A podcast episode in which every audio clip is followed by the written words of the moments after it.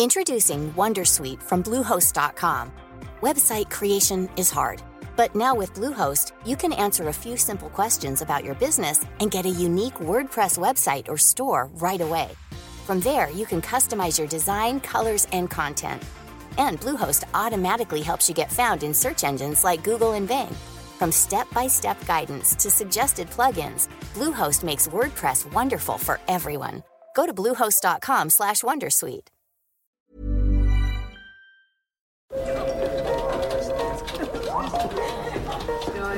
Dette er lyden av norsk næringsliv.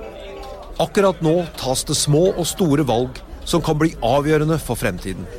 Med økonomisystemet X-Leger tas disse beslutningene basert på informasjon i sanntid, slik at drømmer og ambisjoner kan bli virkelighet. Få kontroll og oversikt. Gå inn på xledger.no. Denne sendingen er sponset av Xleger. Aker BP øker produksjonen og tar et tap i nord. Norske Skog og Intel er ute med tall, og Equinor og oljeaksjene får seg et løft når Chevron har kastet sjekkheftet i bordet. Det er fredag 27. januar. Velkommen til Børsmorgen.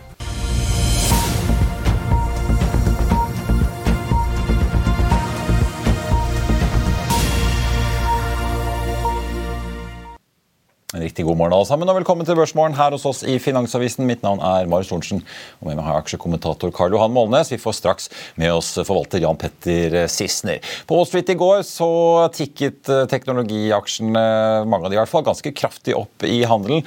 Nasdaq-veksten endte til slutt opp 1,8% etterfulgt av SMP som endte opp 1,6 med Dow Jones slengende etter på, med en oppgang på 0,6% Det kom en rekke makrotall som mange fulgte med på i USA i går ettermiddag. og rentene reagerte litt grann opp, så vi i hvert fall på tiåringen eh, da i eh, USA. Durable Goods Orders, som det heter, endte opp 5,6% langt over det ventede tallet på 2,4. Men trekker man da ut eh, transportelementet, så var man ned 0,1, og det var nedgang i bil. Men det er noen store ordre hos Boeing som trekker tallet opp der. BNP-tallene, i hvert fall de første for da fjerde kvartal, viser en vekst på årsbasis på 2,9 over da ventet på 2,8. Jobless claims, altså disse ukentlige trygdetallene, var også litt eh, bedre enn ventet. De falt med 6000 til 186 000, ventet på 205. Klokken 14.30 i dag så kommer jo da de tallene for privatkonsumet i desember, og også inflasjonstallene i den såkalte PCE-indeksen for desember måned, som jo Federal Reserve alltid følger nøye med på. I Asia i morges og i nattestimene så har det tikket egentlig jevnt oppover stort sett, da i takt med at markedet der åpner opp for fullt etter kinesisk nyttår. Hovedindeksen her hjemme endte opp 0,2 i går, og det ventes både fra DNB og Nordnett at vi tikker oppover mellom 0,3 og 0,5 fra start i dag. Så får vi se om vi klarer å ende uken i pluss. Da må vi opp til 1189,32 poeng, altså fredagens sluttkurs i forrige uke. I går endte vi på 1183 nesten. Oljeprisen fortsatt solid, eh, får vi si, opp 0,1% i spotmarkedet i dag til 87,50. Den amerikanske lettoljen på 81,30. Og så får jeg nesten ta med disse oljeaksjene i USA. da, altså Chevron endte opp 4,9% på Wall Street i går, og mange av de andre gjorde det også bra. Det er jo da nyheten fra Chevron om at de lanserer et tilbakekjøpsprogram på 75 milliarder dollar. Rundt 20% av markedsverdien til hele oljeselskapet, og tre ganger så stort som det forrige programmet. Som altså bidrar til veldig god stemning i mange energiaksjer. Equinor endte opp eh, også i går i New York og endte da 2,1% over kursen her hjemme i Oslo. Goldman Sachs benytter anledningen til å oppgradere anbefalingen sin på Equinor nå, fra salg til hold. Hever kursmålet fra 370 til 390. I går renten her hjemme på 294. Får vi også si at Exxon Mobil steg en 4% i går.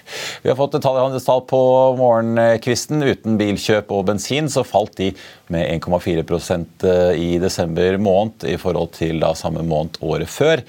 Og så skriver Virke at eh, varehandelsindeksen eh, for hele 2022 viser en marginal oppgang på 0,4 etter rekordåret 2021. Eh, og de da skriver også at handelen i desember hadde en svak nedgang i tråd med deres egne prognoser. Kitron har mottatt en ordre på 260 millioner kroner fra Kongsberg Defence, da knyttet til de mange missilordrene som eh, Kongsberg Gruppen har mottatt, og som da drysser ned på underleverandører også, som eh, Kitron. God morgen, Karl Johan. Skal vi kaste oss over også Norske Skog, som har kommet med tall nå på morgenkvisten? Veldig gode tall. Selskapet begynner med utbytte igjen. Fem kroner foreslår de. Sist jeg ga utbytte var tre kroner i 2020, og det er en rekke engangseffekter her. Da. Det er jo de har nedstengt en uh, avispapirmaskin i Golbey, maskin nummer én. Og det har frigjort da, til at de kan selge energi i Frankrike. Så det har jo vært veldig nyttig. De har salgsgevinst på en skole i Halden på 200 millioner kroner. og Dette er jo et selskap som ikke har så mye gjeld nå. Det har netto gjeld på 1,1 milliard og market cap på 7 milliarder eh, kroner her. Og fra første kvartal så er de også i gang med packaging paper, altså et nytt segment. Ja, altså emballasje, ja. netthandelpapir tenker, tenker, du på? Ja. ja. så dette er veldig gode tall. Eh, kontantstrøm fra drift 745 eh, millioner mot 627 i forrige kvartal, så what's not to like her? Det, er, det, ser bra ut alt sammen. Og de skal også investere 180 millioner kroner i Ja, i Skogn, sa jeg. Ja. I Skogn, ja. Det, da er det fra NOx-fond og termomekanisk, og da er det naturfiber de skal bruke. Da, så det er mindre bruk av returpapir. Ja. Så dette er ja. Men det er klart, det, det ingen av de nordiske treforedlingsselskapene liker å snakke om, det er jo at eh, svak valuta er jo veldig viktig for eh, profitten deres. Da. Det har vært det alltid. Ja. Så, men vi har jo sett flere av medier, altså Skipsted og andre peker på at kostnadene på papir har jo gått uh, rett oppover. Økte ja. energikostnader, uh, men økte papirkostnader det bør vel i teorien drysse ned på norske skog? Jo da, men det har jo sammenheng med økte energipriser. da. Ja. Så skal vi Apropos fra skog til eh, databrikker. Vi må nesten snakke litt om Intel, som kom eh, etter eh, stengetid på Wall Street i går. En stor skuffelse, egentlig? Ja, Intel har vært markedsledende de, de tidligere generasjoner, både på memory chips og på A-ledere, helt til de gikk seg vekk. Og Vi husker jo det når, vi, når laptopene kom og det sto Intel Inside utenpå. og de som hadde de chipene, kunne ta 100 dollar mer betalt. og Nå har selskapet rota seg helt bort. og Eh, nå er det Taiwan Semiconductor som har blitt det amerikanske halvlederselskapet. og Det var beskrevet i går som det verste kvartalsresultatet på 15 år eh, fra noe selskap noen gang. Og Da er det mest på guidance. da, at du, Når du får estimatene for dette kvartalet vi er inne i, da, skulle være 13,9 milliard, og de guider på mellom 10,5 til 11,5 milliard. Da er det kollaps i markedet for Intel. for De andre selskapene opplever ikke det samme. Så, Man opplever nedgang i PC-salget? Ja. Jo, jo, da, men, men det, det, slår jo mest ut på den som har de dårligste chipene. da. Uh, og mens, hva er det, Hvorfor gjør Nvidia det bra? Hvorfor gjør Hvorfor gjør selskaper som eh, American, eh, Taiwan Semiconductor bra? Det er jo at de har de mest avanserte chipene som går til, eh, til, artificial intelligence, det går til krigsutstyr, det går til og, og, Nordic Semiconductor de, de, de, seiler jo videre på dette, for de leverer til konsumvarer. Ja. Så, men, men, det å ha dårlige industrielle chips, det er ikke noen god posisjon å være i når ting strammer seg til. Så merket jeg meg, De vil heller ikke gi guiding altså de guiding for første kvartal, som var skuffende, men de, i motsetning til før så vil de ikke gi noe guiding for året som helhet, altså 2023. Nei, det kan jo ikke. Forklarer det med usikkerhet i markedet, men det hjelper vel heller ikke på kursen akkurat? Nei, det gjør det ikke. Og det er, det, dette her er helt katastrofe. altså. Så, og du har analytikere som kommer ut og sier 'never seen anything like it'. Ja. Det er, og dette er folk som holdt på skal til å pensjonere seg. altså. Så det, dette er ille. Jeg merker meg for øvrig, Det er ikke bare PC-salget som er ned over 30% eller inntektene fra det, men også datasenteret. Så det virker som de også rammes av innstramminger fra ja, det, bedriftssiden. Det er selska, veldig selskapsspesifikt eh, for Intel. Det er at eh, de faller av i konkurransen. Det er, du må ha de raskeste chipene. Ja. Så får vi se om Taiwan Semi får rett i at uh, markedet tar seg opp. Ja, men du ser, de, de, har jo tredobla kapasiteten sin. De ser jo mot det. høsten da, eller andre halvår, som de skrev i sin guiding. Ja, ja. Fordi eh, De ser jo at mange av de andre som skal levere til USA, at de sannsynligvis ikke får kapital eller har teknologien til å ekspandere. Så sier de at ok, vi skal ikke investere bare 14 milliarder, vi skal investere 40 milliarder dollar. Så Eh, Visa kom med tall i går. Det eh, viser jo egentlig bra økning i det de kaller cross border, altså at folk driver og reiser og bruker kortene på tvers av landegrenser. Økt betalingsvolum, det er jo positivt. Det er mye revenge travel som foregår, så det tjener de på. Det er det. Uh, Bath Beyond ser jeg nå har de mistelått gjelden sin sier de til JP Morgan eller kassakreditten som de har fått der. Så det er andre gangen de er ute og varsler at de ja, nei, de er, er, på vei mot insolvens hvis ikke noe skjer. Ja. Det er jo uh, det er jo en butikk som hører hjemme i dette nye TV-showet Back to the 90s. da. Ja. Det var jo fint i sin tid. Og Hasbro, eh, store lekeprodusenten, eh, også ute med nedbemanning, kutter 1000, altså 15% av arbeidsstokken, og driftsdirektøren takker for seg. Ja, Ja. det er Merker også en oppbremsing i salget, også før jul. Nedkutting på fysiske leker. Jeg så det smittet over på eh, Mattel for øvrig. Tesla derimot gjorde det bra i går, opp over 11 Ja, Ja, det- eller ellers det er teknisk 11% Vi er nå i den fjerde, fjerde bear market rally, og de lykkeligste aksjehandlerne er ofte de som eh, klarer å bruke teknisk analyse på en riktig måte. For du har enorme svingninger, og, og nå, nå har vi jo hatt kanskje det verste året i aksjemarkedets historie. og Likevel har vi hatt eh, enorme bear market rallies. Vi er inne i det fjerde nå. Og for en trader så er jo dette en drøm. altså Tesla faller omtrent fra 200 ned til 100, og opp igjen til 150 og kanskje til 170, og så kollapser den igjen. Dette er jo helt fantastisk for en trader. Men det, det gjelder å, å, å, å trade riktig, ikke med følelsene, men finne en måte å bruke chart på som gjør at man vet hvor man er i lende. Eh, for det, det fundamentale eh, det fungerer ikke før vi er ferdig med bunnen. Du kan begynne, I bullmarkedet kan du bruke det fundamentale. At du klatrer oppover sakte, men sikkert. Tro og tvil og få setbacks. Men i dette markedet her så må man følge med på charten, altså, ellers så kan man svi seg ordentlig. Før vi går til eh, reklamen, så tenkte jeg jeg må ta med et par nyheter som kom i går eh, ettermiddag. For øvrig ser jeg nå Norske Skog opp 2,8 da fra start, med en veldig god omsetning på Oslo Børs. Men to meldinger altså som er verdt å merke seg. Eh, Finansdirektøren i Hudley meldte i går, eller det kommer en børsmelding fra selskapet, om at han går av. Ragnar Kjos altså. Han forblir da på plass frem til en erstatter er funnet. Ingen begrunnelse for hvorfor han slutter i børsmeldingen, verken fra selskapet selv eller altså Kjos som går av. SAS kom også med sin månedsoppdatering eh, sent på ettermiddagen i går, som de da må gjøre under chapter 11-restruktureringsprosessen. Og Det vi da har fått data på, er jo da starten av regnskapsåret 2023, som begynte 1.11. Og SAS har sluppet tall da til og med 31.12., altså de to eh, første månedene i deres første kvartal. Omsetningen endte på nesten 5,5 milliarder svenske kroner, men bunnlinjen den er blod rød. Resultatet etter skatt endte på minus 1,5 milliarder svenske kroner. Kontantbeholdningen har krympet nå ned til 5,1 milliarder. Det er da ned 3,6 milliarder på bare to måneder fra utgangen av eh, oktober. Og så venter jo da SAS på at de skal få tilgang til andre del av finansieringspakken sin fra amerikanske Apollo, altså de siste 350 millioner dollarene. Det skulle egentlig vært på plass før jul, men der har prosessen tatt lengre tid enn ventet. Vi er straks tilbake rett etter dette. Vil du bli oppdatert på det viktigste som har skjedd innen finans og næringsliv? Da er det bare å følge med, for hver morgen er jeg, Marius Lorentzen og aksjekommentator Karl Johan Malnes på plass i studio for å ta tempen på dagens marked i Børsmorgen. Og hver ettermiddag oppsummerer vi alt du trenger å vite i økonominyhetene, og det blir selvfølgelig masse interessante gjester. Klikk deg inn på fa.no-tv, eller søk opp Børsmorgen og Økonominyhetene der du hører på podkast.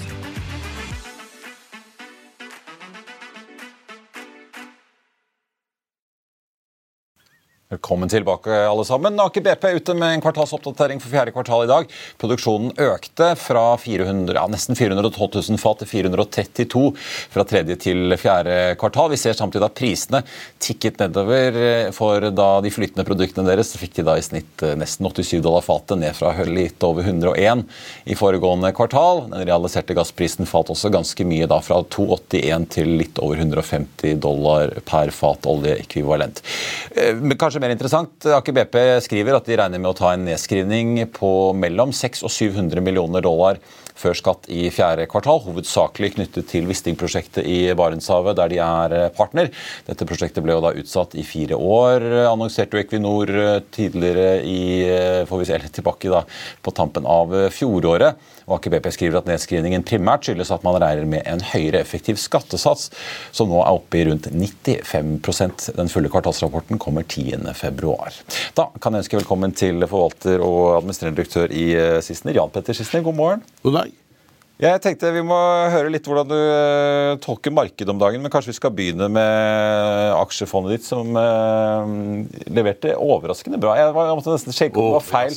Jo, nesten sjekke om det var feil uh, fortegn. For det var vel opp 8% i fjor, mens fondsindeksen var ned 7 og hovedindeksen var ned 1.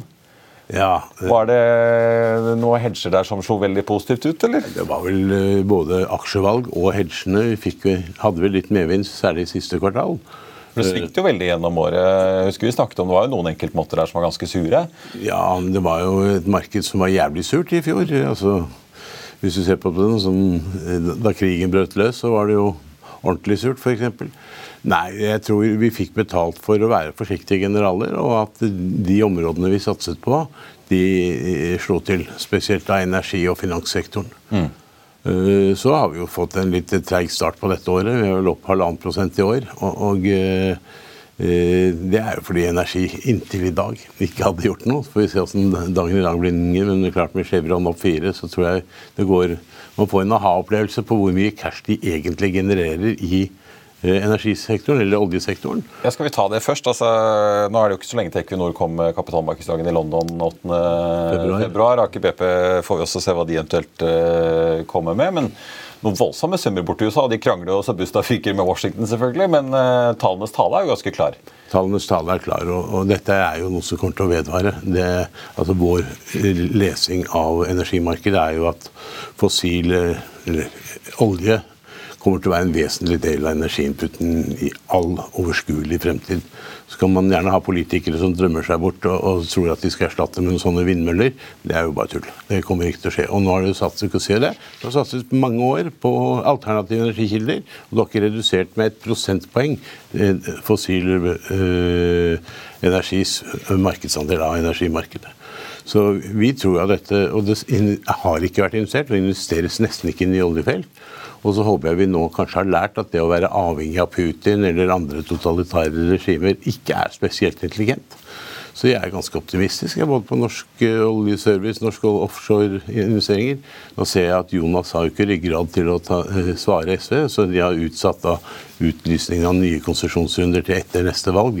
Men det er bare sånn bare tulleball. Men de foreslår litt økning i TFO-området, da, som de ja. deler ut hvert år. Så det er, det er, kanskje gi og ta litt? Det, er, det, virker jo som politikerne ikke spiller med åpne kort. Ja. De har jo lurt oss omtrent inn i EU bakveien, og de fortsetter med liksom å si ja, sånn er det, men så er det alltid noe dealer på kammerset. Vi har jo snakket eh, og for så vidt hørt at det er flere som er bekymret for kostnadsnivået i energisektoren, og ikke bare i olje. Dette er lyden av norsk næringsliv. Akkurat nå tas det små og store valg som kan bli avgjørende for fremtiden. Med økonomisystemet X-Leger tas disse beslutningene basert på informasjon i samtid, slik at drømmer og ambisjoner kan bli virkelighet. Få kontroll og oversikt, gå inn på xledger.no. Denne episoden er sponset av van Brun, en fremtredende smykkeforhandler kjent for sitt brede utvalg av forlovelsesringer, gifteringer og diamantsmykker som bæres og elskes i generasjoner. Et frieri er en av de største øyeblikkene i livet, hvor forlovelsesringen er et tidløst symbol på kjærligheten. Valg av ring krever omtanke for både hvilket metall og diamant, med et bredt spekter av både naturlige og labdyrkede diamanter, og metaller som platina, gult gull, ditt gull og roségull, hjelper de deg med å sette et personlig preg på din kjærlighetshistorie. Van Brun vil gjerne invitere deg til å prøve på tre av dine favorittringer fra nettsiden helt kostnadsfritt. Du kan også låne et bredt spekter av frieriringer, slik at du og din forlovede kan velge en ring sammen etter det store ja. Van Brun tilbyr 90 dagers åpent kjøp og 90 dagers gratis størrelsesjustering. Utforsk deres eksklusive sortiment i luksuriøse omgivelser. Bok en konsultasjon sammen med en diamantekspert i deres showroom i Oslo. Eller online på vanbrun.com. V-a-n-b-r-u-u-n.com. Eh, vi så jo Ørsted eh, komme et resultatvarsel eh, for ikke så veldig lenge siden. Tok en milliardnedskrivning på havin, et havvindprosjekt i USA. Nå har Vestas kommet med resultatvarsel, altså vindmølleprodusenten i Danmark, og venter lavere aktivitet ja. i år enn i fjor. Ja, vi, vi har jo sagt at... Hele, altså både olje og fornybar virker som de sliter en god del med, med kost og gjennomføring for tiden? Ja, alle de store vindturbinselskapene, Vestas og Siemens, sånn, taper mye penger. og vi har sagt Det er helt umulig at havvind kan bli stort uten at disse selskapene er med på å lede dette. For det er de eneste globale selskapene. De andre er mest eh, lokale. Og, de må tjene penger for at dette skal bli stort. Ellers så stopper dette her opp. Ja, Petter, er det noen av disse nye du har tro på? Nå så vi jo dette IVS som Wilhelmsen er med bestiller flere skip. Eh, så det skjer jo mye også en del av disse norske selskapene som er eksponert mot eh, havvind. Men Er du bekymret for kostnadsutvikling både i olje og fornybar om dagen? Hvis du går tilbake til gullgravertiden, så var det de som leverte utstyret som ble rike, rakk gullgraverne. Uh, og jeg tror det er litt sånn i, i uh, vindsatsing òg. Har utstyrsleverandørene eller serviceleverandørene, og så kan de som skal bygge ut, uh, få gjøre det og se om de greier å tjene penger. Det er ikke jeg så sikker på. Så du ser altså Vestas, som du sier, de har fantastisk ordreinngang, men omsetningen er lavere. EBD-en er jo katastrofal. Jeg vet ikke hvor mye kursen faller, men jeg tipper rundt 10% I hvert fall var det det den var indikert på før børs. Ja, du har helt rett. altså de Selskapene må tjene penger først. I WS har jo vi mye i. Vi er, har rundt 7% av selskapet, tror jeg. Litt i overkant av.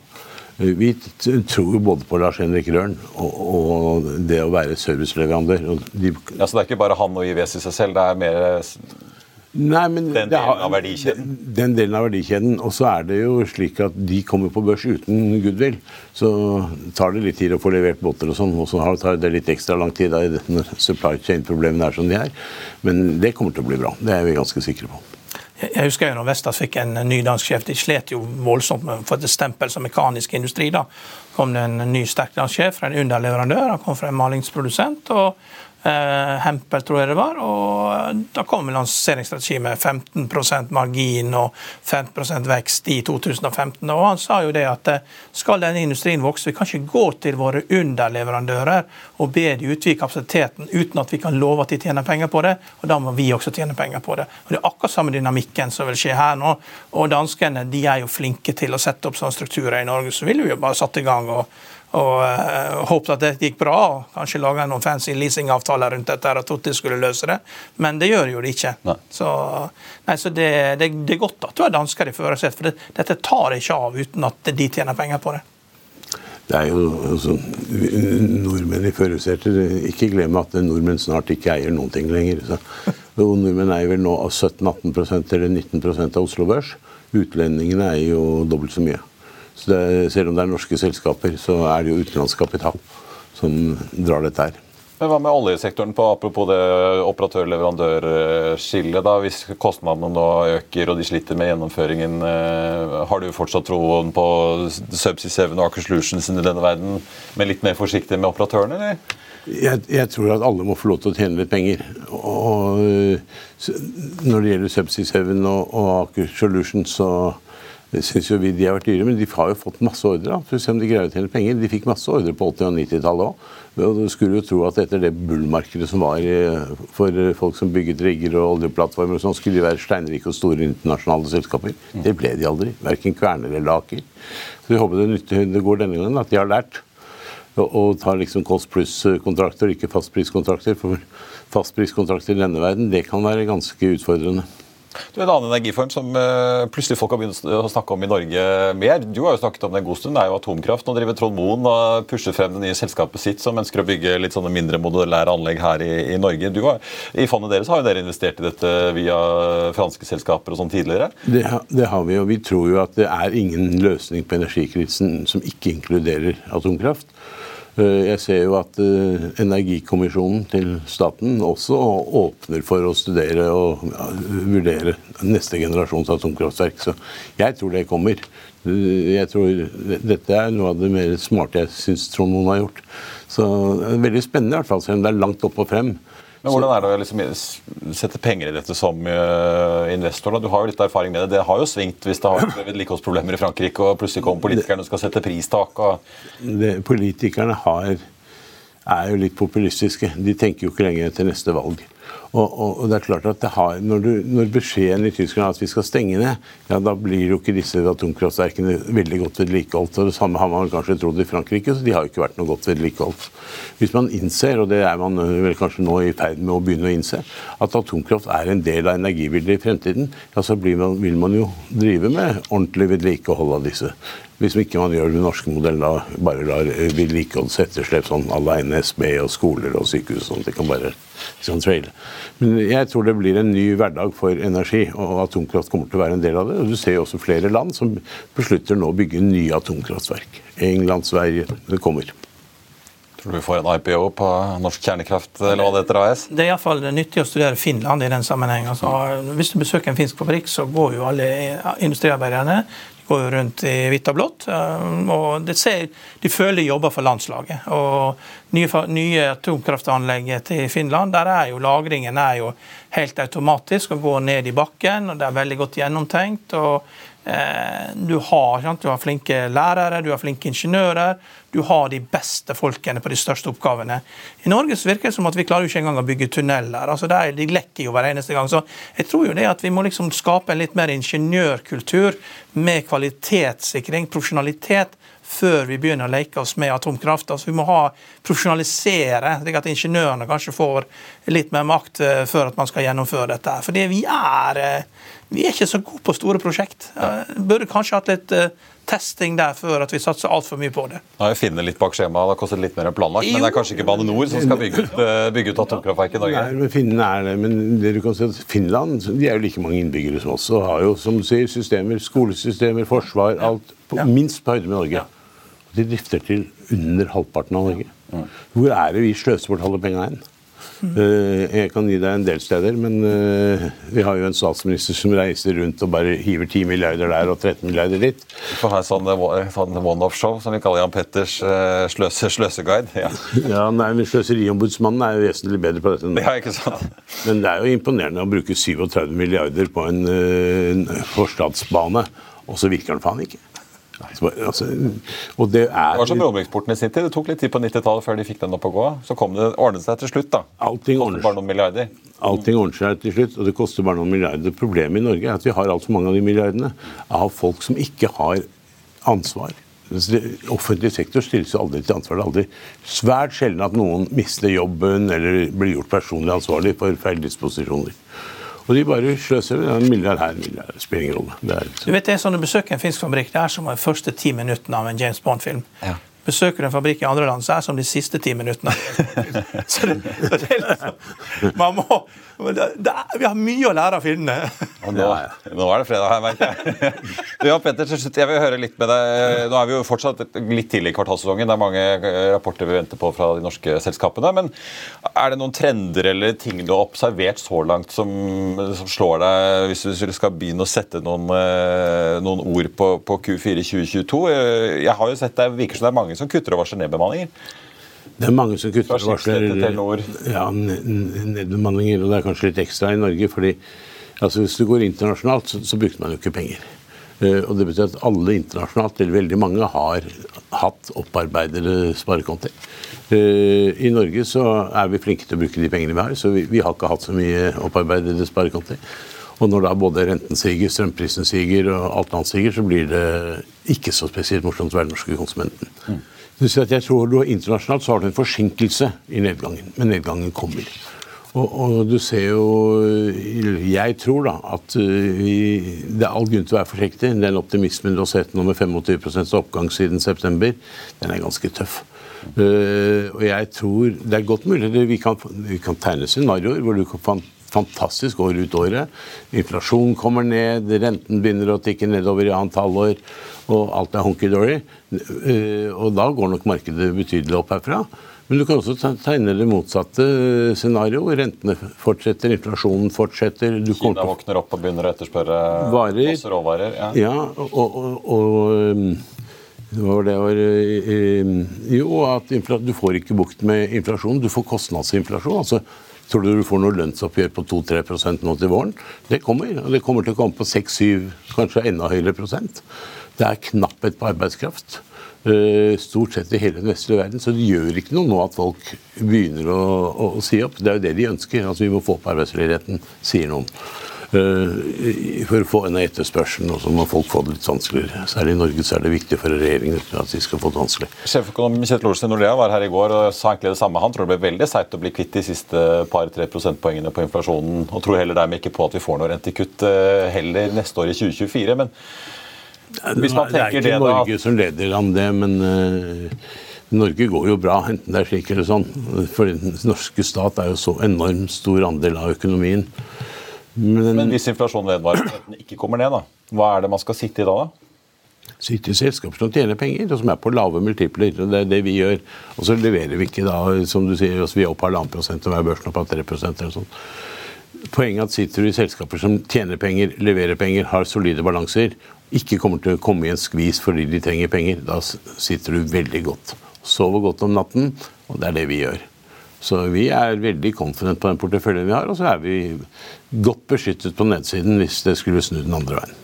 Vi hørte jo, vi hadde jo en her som var inne som sa at det var 10% ekstra finansiering for kostnader ved å gjøre private equity-oppkjøp. Ja, det var det partner i Ernst Young som eh, fortalte at en av disse P-toppene hadde fortalt om at påslaget de, altså disse P-fondene nå ble tilbudt for finansiering, hadde gått fra 3, 3 prosentpoeng påslag til 10 ja, Pluss som Nibor eller Stibor eller hva enn man refererer på. ja.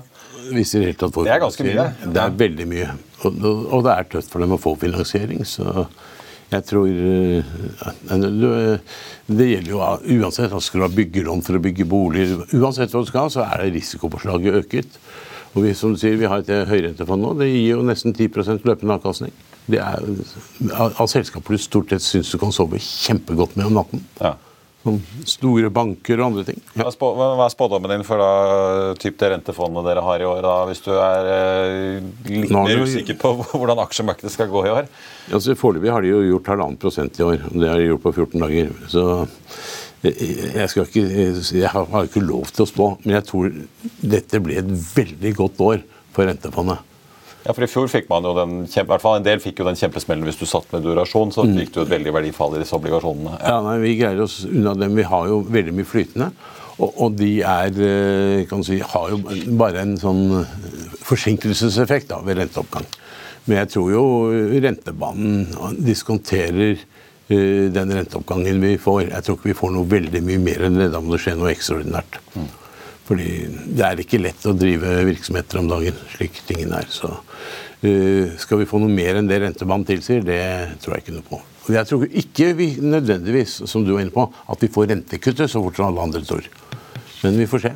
Får vi opp arbeidsledigheten i USA, så det, det, det, som er det som er store spørsmålet, er liksom om vi vil få noe mer industriell økonomi med militær og store ressurser til for å produsere mye mer forsvarsmateriell av alle typer ammunisjon og fly og tanks og alt sånt. og Det, det driver jo da etterspørsel. Det, det, det, husker jeg lærte i USA. Det liksom, eh, at det var Strategen sa det første spørsmålet du stiller deg, er vi en konsumøkonomi eller er vi en industriøkonomi. Og svaret har vært at vi har vært en konsumøkonomi i mange, mange, mange, mange år. Og Det har favorisert finans, det har favorisert konsum av ulike typer. Men hvis det vrir seg helt over til at det blir en industriøkonomi hvor USA skal bygge masse fabrikker, ikke sant? og det har jo ikke de gjort på 40 år, så kan du få en industriøkonomi. og Da får du automatisk mye høyere inflasjon. Og de skal bygge elbilfabrikker ja. og chipfabrikker. Og... Vi kan ikke bare leve av Kongsberg Gruppen og Raytheon og amerikanske bilfabrikker. Vi må vel ha noe her hjemme på kontinentet? Nei, men det... det er jo spørsmålet. Hvordan går det egentlig med Europa på 20 års sikt? Altså jeg kan si at Norge, som da ikke skal ha fordelen av kraftkrevende industri lenger, for kraften er ikke blitt konkurransedyktig. Vi skal ikke ha olje, og vi skal skatte i fisken. Hva skal Norge leve av? Det kan du spørre politikervennene dine om. for Det er ingen som har noe svar. Det er ingen som tenker på det engang. Det eneste de tenker på, at vi må jage de rike risikokapitalen må jages ut av landet. Det tenker de på. Energiprisene må jo ned hvis eh, europeisk industri skal begynne å investere igjen? I stor skala? Ja, ja det, så er naturgassprisen i USA nå ned på totallet, så det er jo eh, da får Trump viljen sin, da. Eksportkabelen deres CLNG ja, ja, i Freeport er fortsatt stengt. Forslag for tyske politikere you got import from us.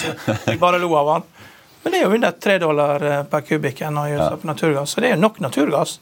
Ja. Det er jo ikke noe voldsomt press. Det er ikke så lett å få det rett. Karl Johan og Jan Petter Sissener i Sissener, takk skal dere ha, og god helg begge to. Tusen takk. Et par analyser på uh, tampen. Nordic Semiconductor eh, der tar DNB og kutter kursmålet fra 2,70 til 2,30 og gjentar sin kjøpsanbefaling. Aksjen endte i går på 1,68,90. Stolt-Nielsen der er Norden ute og jekker opp kursmålet fra 2,75 til 300 og gjentar kjøpsanbefalingen. Den endte i går på 2,54. Hovedindeksen på Oslo Børs opp nesten en halv prosent fra start i dag. Norske Skog eh, ligger veldig godt an med en oppgang på 3,1 Vestas Vind, som vi var innom som hadde resultatvarsel, ned litt over 3 og Hødli altså, som bytter finansdirektør ned tre kvart. På listen over de mest omsatte ellers, Equinor og Aker BP på topp, begge opp rundt 1,8 PGS opp 1,2, og da Norske Skog rett bak der igjen. Og så har vi Bård Drilling da, som er opp hele 6,4. Det var børsmålen for denne fredag 27. januar. Vi kom oss helskinnet gjennom uken, dere. Økonominyhetene er tilbake 13.30 med Trygve Hegnar. Hold deg oppdatert på FA.no når det passer deg. Ha en riktig god helt når den tid kommer. Takk for nå, og så ses vi på mandag.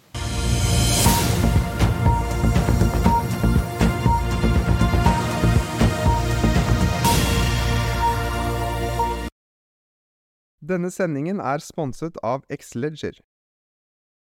Økonominyhetene er en podkast og videoproduksjon fra Finansavisen. Programleder er Marius Lorentzen. Aksjekommentator er Karl Johan Molnes. Produsent er Bashar Johar. Podkast- og videoansvarlig er Marius Mørk Larsen. Og ansvarlig redaktør er Trygve Hegnar.